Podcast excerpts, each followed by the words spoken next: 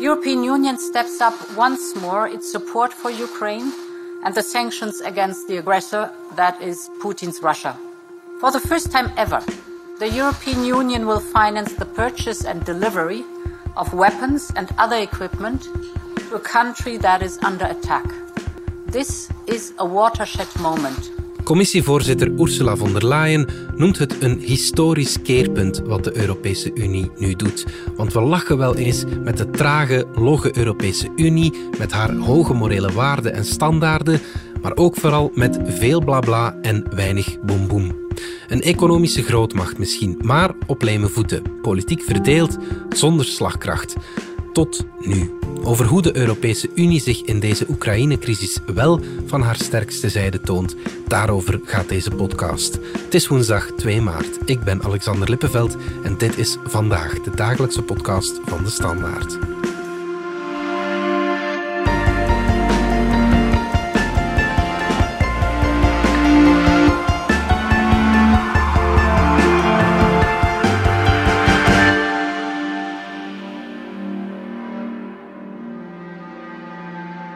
Dominique Minten van onze buitenlandredactie.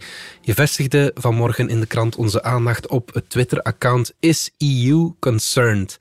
Daar gaat de ironiebarometer vaak uh, volledig in het rood. Hè? Ja, het is een grappig Twitter-account dat al eigenlijk acht jaar bestaat.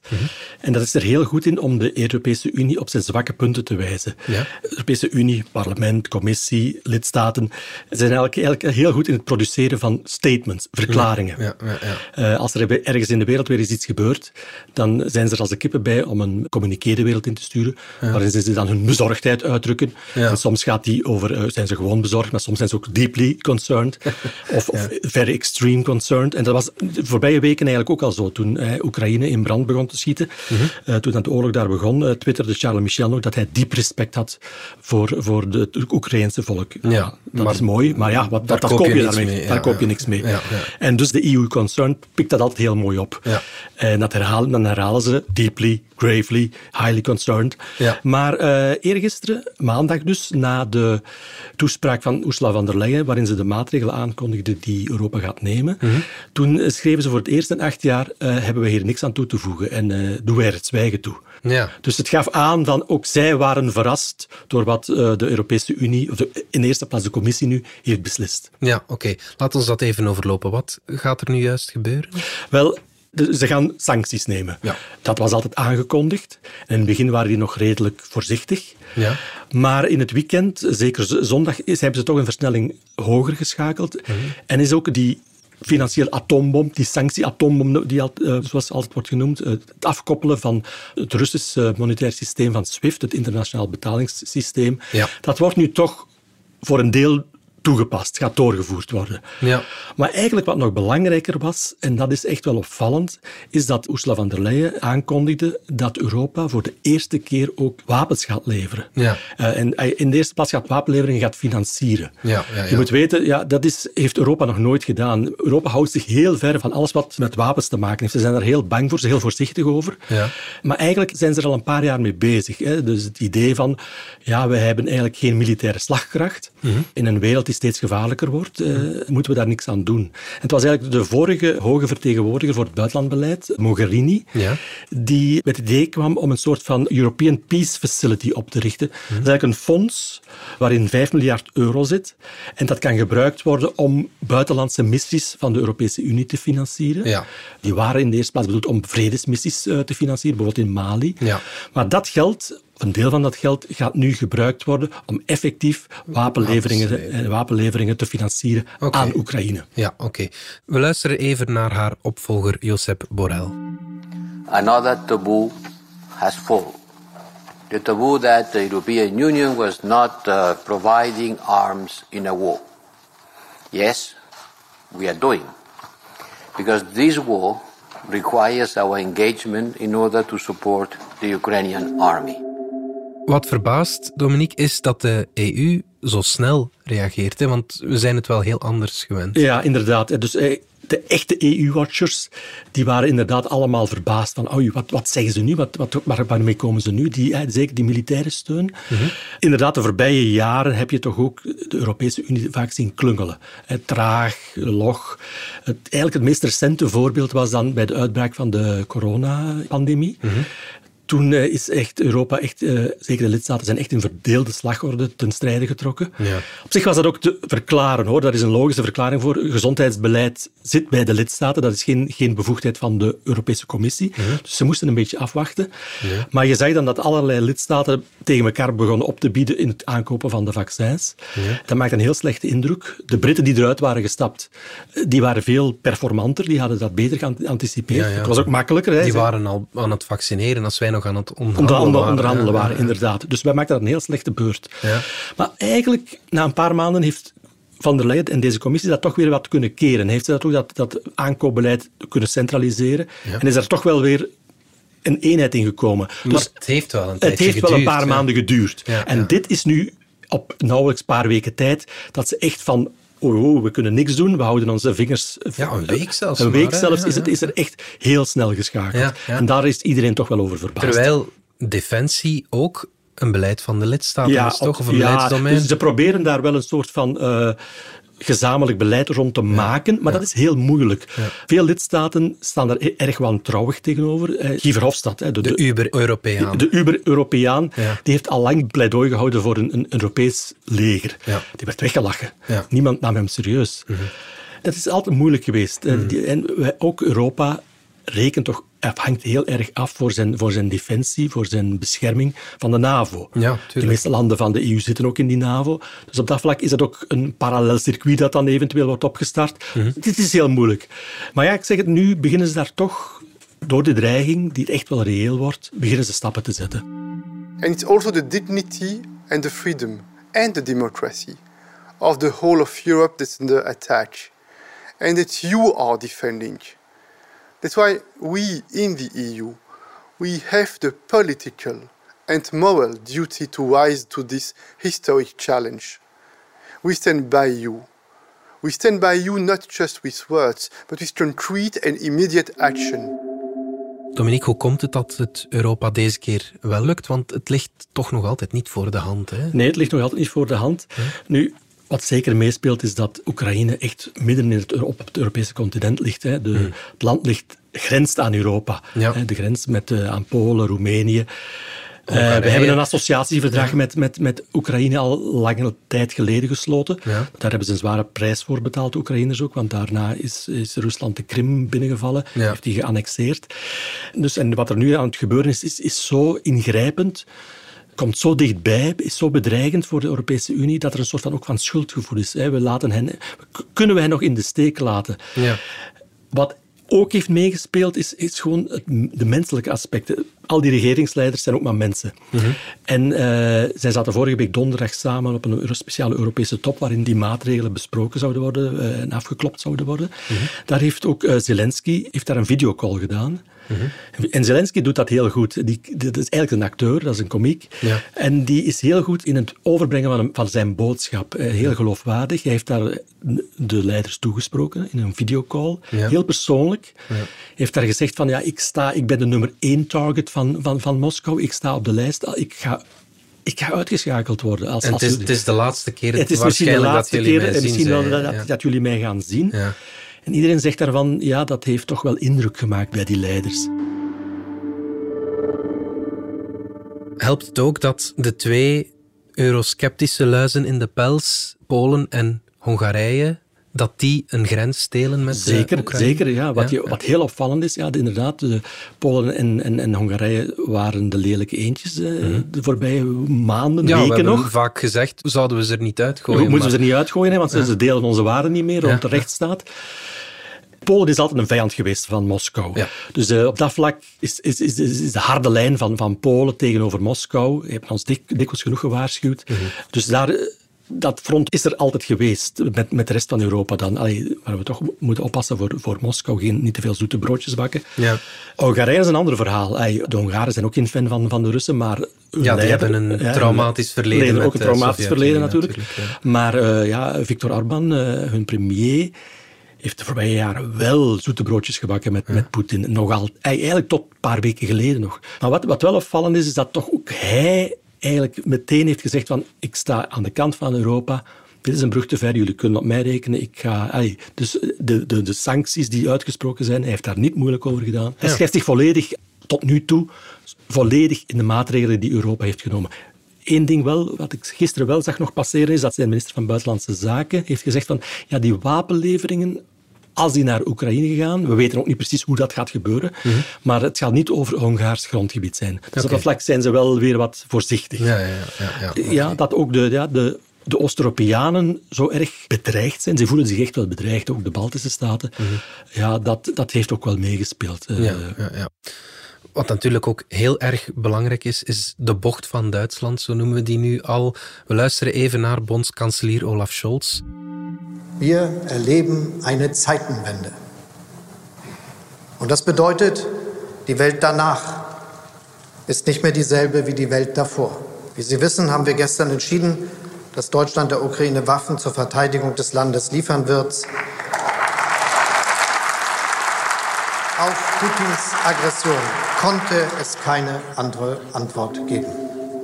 Dat is ook wel bepalend. Absoluut. Nee, nee, dat is ook. Uh, ik sprak maandag nog met Steven van Hekken, een Europa-specialist van de KU Leuven. Mm -hmm. Die zegt ook van: uh, als Duitsland kantelt, dan kantelt Europa of de Europese Unie mee. Ja. Dat is, maar dat speelt nog altijd een heel belangrijke rol. En inderdaad, de bocht die Duitsland de voorbije week heeft gemaakt, is echt wel spectaculair. Leg die bocht eens kort uit. Wel ja, Duitsland heeft historisch gezien een soort van speciale band met Rusland. Ze voelen zich nog altijd een beetje schuldig mhm. over wat eh, Hitler daar heeft gedaan in, in, in, in, Rusland tijdens de Tweede Wereldoorlog. Ze voelen zich nog altijd een soort van... Ja, dat schuldgevoel leeft daar nog wel. Eh, ze hebben altijd al geprobeerd een soort van Oostpolitiek uh, op te bouwen. In de jaren zestig is dat begonnen. Mhm. Waarin ze toenadering zochten tot, tot Willy Rusland. Brandt, Willy Brandt was daar het, het gezicht van. En um, om goede relaties op te bouwen. Mm Op zich is dat heel goed. Ja. Maar dat is eigenlijk blijven doorgaan. En dat is eigenlijk ook ontspoord, zeker binnen de SPD, de, de partij van de huidige bondskanselier Scholz. De Sociaaldemocraten. De Sociaaldemocraten. Ja. Een van zijn voorgangers, Gerhard Schreuder, ja, die heeft zich helemaal uitverkocht aan Poetin hè, via de de Gazprom, uh, de pijplijn die Gazprom heeft gebouwd, de uh, Nord Stream 1, nu ook Nord Stream 2. Ja. Dat is allemaal op voorspraak. Dat heeft op voorspraak van, die komt ook in Duitsland aan. Duitsland is heel afhankelijk van dat Russisch gas. Mm Ze zijn heel, heel, economisch verweven met Rusland. Voor hun energiebeleid zijn ze heel afhankelijk van, van Rusland. En dus zij zijn altijd op de rem blijven staan. Mm Tot een paar weken geleden nog was het zo van, ja, Nord Stream 2, die kan toch niet opengaan als Poetin binnen uh, Oekraïne iets zou doen. Mm zich daar eigenlijk niet, en zeker Olaf Scholz wouden zich daar nog niet over uitspreken, maar dat is dan, begin vorige week is dat gekeerd. Ja. Heeft hij dat gezegd van, ja, we gaan Nord Stream 2 niet openen. Dat is nu, voorlopig toch, tot nader order gaat die niet open, die pijplijn. Mhm. En dan heeft hij uh, zondag, in, het, de Bondsdag, een nog wel een redelijk historische toespraak gehouden, waarin hij zegt van, ja, dit is een andere wereld waar we in zijn terechtgekomen en we gaan nu ook voor het eerst echt zwaar investeren in ons leger. Dat is in Duitsland ook altijd een heel gevoelige kwestie geweest, ook door, door dat verleden. Ze zijn zelf heel voorzichtig geweest om... Ja, ze mochten het ze ook mochten niet. het zelfs niet. Uh, en nu gaan ze dus echt 100 miljard investeren. In, dat, is, dat zijn gigantische bedragen. Ja, ja, tuurlijk. Dus dat speelt ook zeker mee. We kennen Europa als economische macht, als morele macht. Europa staat nu op als militaire macht. Is dit een keerpunt in de geschiedenis van Europa? Ik weet niet of, of, je nu al kan zeggen dat Europa een militaire macht is. Mhm. Dat is. We gaan nu wel wapenleveringen doen. Ja. Maar op zich is dat ook gevaarlijk, denk mhm. ik dan. Je moet daarmee oppassen, want Poetin gebruikt dat nu al. Je zag meteen de reacties vanuit het Kremlin van dit is opnieuw een daad van... Zij beschouwt het als een daad van agressie tegenover Moskou. Ja. En als Moskou zich tegen Europa keert, militair zijn we dan toch weer afhankelijk van de legers van de lidstaten en van de NAVO vooral. Ja, ja, Dus op dat vlak is Europa, blijft dat eigenlijk, militair is dat geen macht. Is dat, mhm. is dat, zijn we toch afhankelijk van Boots de NAVO. on the ground, Boots die met een Europese nee, vlag. Nee, nee, nee, nee dat, dat, gaat absoluut niet gebeuren. Hè. nee, nee, nee. Dus uh, ja, het is, het is moedig van wat Europa nu doet. Het is noodzakelijk, denk ik, wat Europa nu doet. Mm -hmm. Maar het houdt een risico in. En als, als het echt gaat spannen, dan gaan we naar de NAVO moeten kijken. Ja, en dan gaan we toch weer met eh, de Amerikanen moeten gaan praten. Ja, ja, inderdaad. Tegelijkertijd moeten we ook kritisch zijn. Rusland gaf in 2020 61,7 miljard dollar uit aan defensie. De vier grootste NAVO-landen samen, die zaten daar heel fors boven met 900 mhm. miljard. Ja. Het ligt dus niet aan het budget. Misschien ligt het wel aan een soort obsessie met defensie ten koste van vredesopbouw, ten koste van het wekken van vertrouwen. Ja, het zijn vooral de Amerikanen die enorm veel uh, investeren in defensie. Ja. Dus ja, zij zijn daar nog wel erg mee bezig, erg door geobsedeerd. Europa nog minder. Mhm. Heel veel Europese lidstaten, zeker in West-Europa, voldoen niet aan de eisen die een NAVO-lidmaatschap meebrengt. Als je lid bent van de NAVO, je zegt ik ben lid van de club, en de regels van de club zeggen dat je dan 2% van je BNP moet besteden aan defensie. Hm. Veel landen komen daar niet aan, zeker België niet. Duitsland ook niet.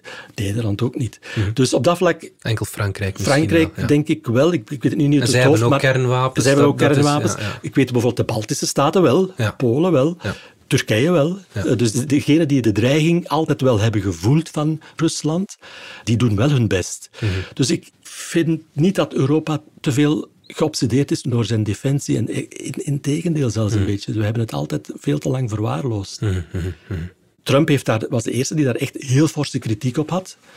Van Trump kan je alles, kan je heel veel zeggen, maar op dat punt had hij wel een beetje gelijk. Ja, ja, ja. En dan nog, zelfs Amerika is op dit moment eigenlijk is, is helemaal niet de agressor. Hè. Dus eh, Amerika heeft ook wel heel veel foute dingen gedaan. Eh, de inval in Irak. Uh, ja, maar ze gaan daar toch wel iets voorzichtiger mee omgaan. Daar gaan, ja, ja, dus dat, maar dit is nu, ja, nu hebben ze eigenlijk, zij zijn, voor het, zij zijn de eerste geweest die hebben gewaarschuwd van wat er stond te gebeuren in, mm. in die troepen opbouwen. Dat hebben zij op de kaart gezet. Mm. in het begin werd daar nog wat beetje lacherig over gedaan. Beetje, iedereen zei van, oh, zijn, wat, wat, wat is daar? Zijn ze weer aan het oorlog stoken, de, de, Amerikanen? Ja. Nee, dus, hè, dus ze zijn heel consequent geweest. In deze kwestie, in deze, dit dossier, kan je hen niks verwijten, vind ik. Mhm. Integendeel zelfs. Biden heeft gewoon ons gewaarschuwd. De feiten, op, de tafel feiten op tafel gelegd. En eigenlijk was iedereen redelijk snel overtuigd van die feiten ook, inderdaad. Daar is iets aan de hand. De interpretatie daarvan was nog wat, wat verschillend. Ja. Macron heeft dan nog geprobeerd uh, Poetin uh, tot reden te brengen, maar tevergeefs. Uh, en ik denk ook, ja, in de, de mindset van Poetin op dit moment is zo oorlogszuchtig. Ja. Je kan niet meer met hem praten. Op dit moment toch niet. Ik zie is niet voor reden vatbaar. is niet voor reden vatbaar. En wat schiet er dan over? Dan kan je maar beter je militaire zaakjes op orde hebben. Ja. Mogen we u ook hier even op wijzen?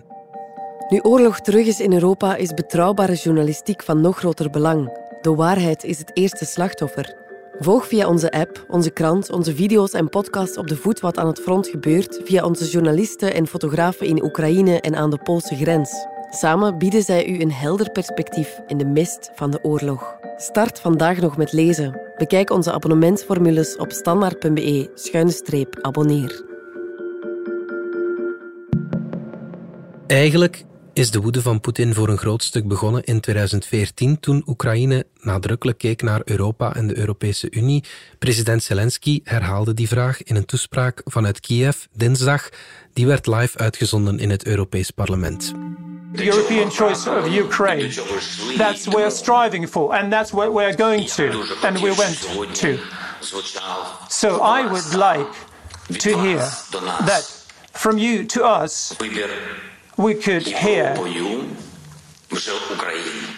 um, the, the, the, the Ukrainian choice for Europe from you. En Europa heeft daar oren naar. Luister maar naar Ursula von der Leyen. And indeed, over time, They belong to us, they are one of us, and we want them in. Ja, Dominique, wordt Oekraïne lid van de EU? Ik denk voorlopig nog niet. Mhm. Dus uh, inderdaad, maandag hebben ook acht Oost-Europese lidstaten, dus de Baltische staten, de Polen, Tsjechië, dus degenen die echt zich bedreigd voelen, hebben dus uh, die vraag van Zelensky positief beantwoord. Zij vinden inderdaad dat de Europese Unie Oekraïne zo snel mogelijk lid moet maken. Mm nu, daar werd wel direct al gewaarschuwd. Bijvoorbeeld Mark Rutte zegt ook van, hou, hou zo snel gaat dat niet. Uh, ook Annalena Baerbock, uh, de minister van Buitenlandse Zaken van Duitsland, zegt van, ja, jullie zijn natuurlijk welkom, maar je moet er, er zijn toch procedures te volgen. Dat gebeurt niet voor tussen de soep en, de, patatten. Nee, inderdaad.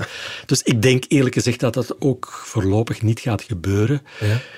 Uh, Rutte zei ook van ja, daarmee helpen wij jullie nu op dit moment niet. Ik denk ook dat hij gelijk heeft, daarmee helpen we hen, denk ik. Misschien niet. maakt het Poetin nog, nog kwader. En nog, ja, het gaat Poetin nog kwader maken. Ja. Nu, op zich ja, moeten we daar rekening mee houden. Ik weet het niet, dat ja. is een goede vraag. Maar het is niet de belangrijkste kwestie op dit moment. Dit is, uh, Oekraïne moet hopen dat het uh, de aanval van Poetin kan overleven. Dat is de, de essentie op dit moment. En in essentie staan ze er nog altijd alleen voor. Hè. We leveren wel wapens, maar het is een, een, gevecht dat ze zelf zullen moeten leveren. En dat burgers zelfs moeten en leveren. Dat burgers gaan moeten leveren. En als Oekraïne in handen valt van Poetin van Rusland en daar een marionettenregime wordt geïnstalleerd, ja, dan is de vraag van lid te worden van de EU, is, dan vervalt die, vervalt die vraag ja. ook. Dus ja, het zijn maar heel de deur moeilijk. staat wel De, de deur staat voor, zeker ja. open en we zullen niet meer moeilijk doen over een beetje corruptie. Want pas op, Oekraïne altijd... Wat was het, het derde corruptste land ter wereld? Ja, dus de corruptiestier daar nog altijd heel welig. Dus het was ook, daar was Europa erg bevreesd voor, terecht denk ik ook wel. Dus... Ja, het is ook niet evident om zo'n land dan in, in, te schakelen in de Europese Unie. Maar ja, de toestand nu is anders. We zullen wat soepeler zijn voor hen nu. Ja, ja, ja. Maar ik, het is niet aan de orde op dit moment. De vraag is natuurlijk, Dominique, in heel deze kwestie eigenlijk, wie gaat het eerst met de ogen knipperen? Gaat deze Europese solidariteit standhouden als ook wij de sancties gaan voelen? Ja, dat is een goede vraag. Ik weet het niet. De energiebevoorrading, we zijn heel erg afhankelijk van dat gas. Daar heeft Europa nu ook al van gezegd van voor deze winter is er geen probleem, dat gaan we gemakkelijk overleven. -huh. De factuur zal nog iets hoger oplopen, maar zelfs eigenlijk op dat is ook het vreemde op dit moment nog altijd. Het gas blijft stromen, dus op dat vlak doet Poetin ook weer niks. Dus, dus ja. de gaskraan wordt niet dichtgedraaid. Ja. Maar zelfs als die gaat dichtgedraaid worden, ik denk dat we wel we gaan wat problemen hebben, maar we gaan daar wel een mouw aan kunnen passen voorlopig, denk ik. Ja, ja. De woede, denk ik, in Europa is zo groot, ook over wat Poetin aan het doen is. De verontwaardiging is zo groot dat we dat we toch... Iedereen beseft nu wel dat het is geen moment om te beginnen zeuren. Nee. Dus ja, maar Poetin, ik zie Poetin ook niet met de ogen knipperen hoor. Dus die man zit zo in zijn tunnel, in, zo, in zijn militaire logica. Mm. Erg beangstigend vind ik dat. Mm -hmm. Ja, want heel onberekenbaar. Hè? Heel onberekenbaar. Mm. Dus ja, dus op dat vlak, ja, ik weet het niet. Ik, maar ik denk ook niet dat Europa op dit nou ja, ik zie Europa wel verenigd blijven. Voor, ja. ja. Goed, Dominique Minten, dankjewel. Graag gedaan. Dit was vandaag de dagelijkse podcast van de Standaard. Bedankt voor het luisteren. Ken je trouwens DS Podcast al, de podcast-app van de Standaard? Daar luister je niet alleen naar onze journalistieke reeksen, je krijgt ook elke week een eigenhandige selectie van de beste nieuwe podcasts op de markt. Alle credits van de podcast die je net hoorde vind je op standaard.be-podcast. Reageren kan via podcast.standaard.be. Morgen zijn we er opnieuw.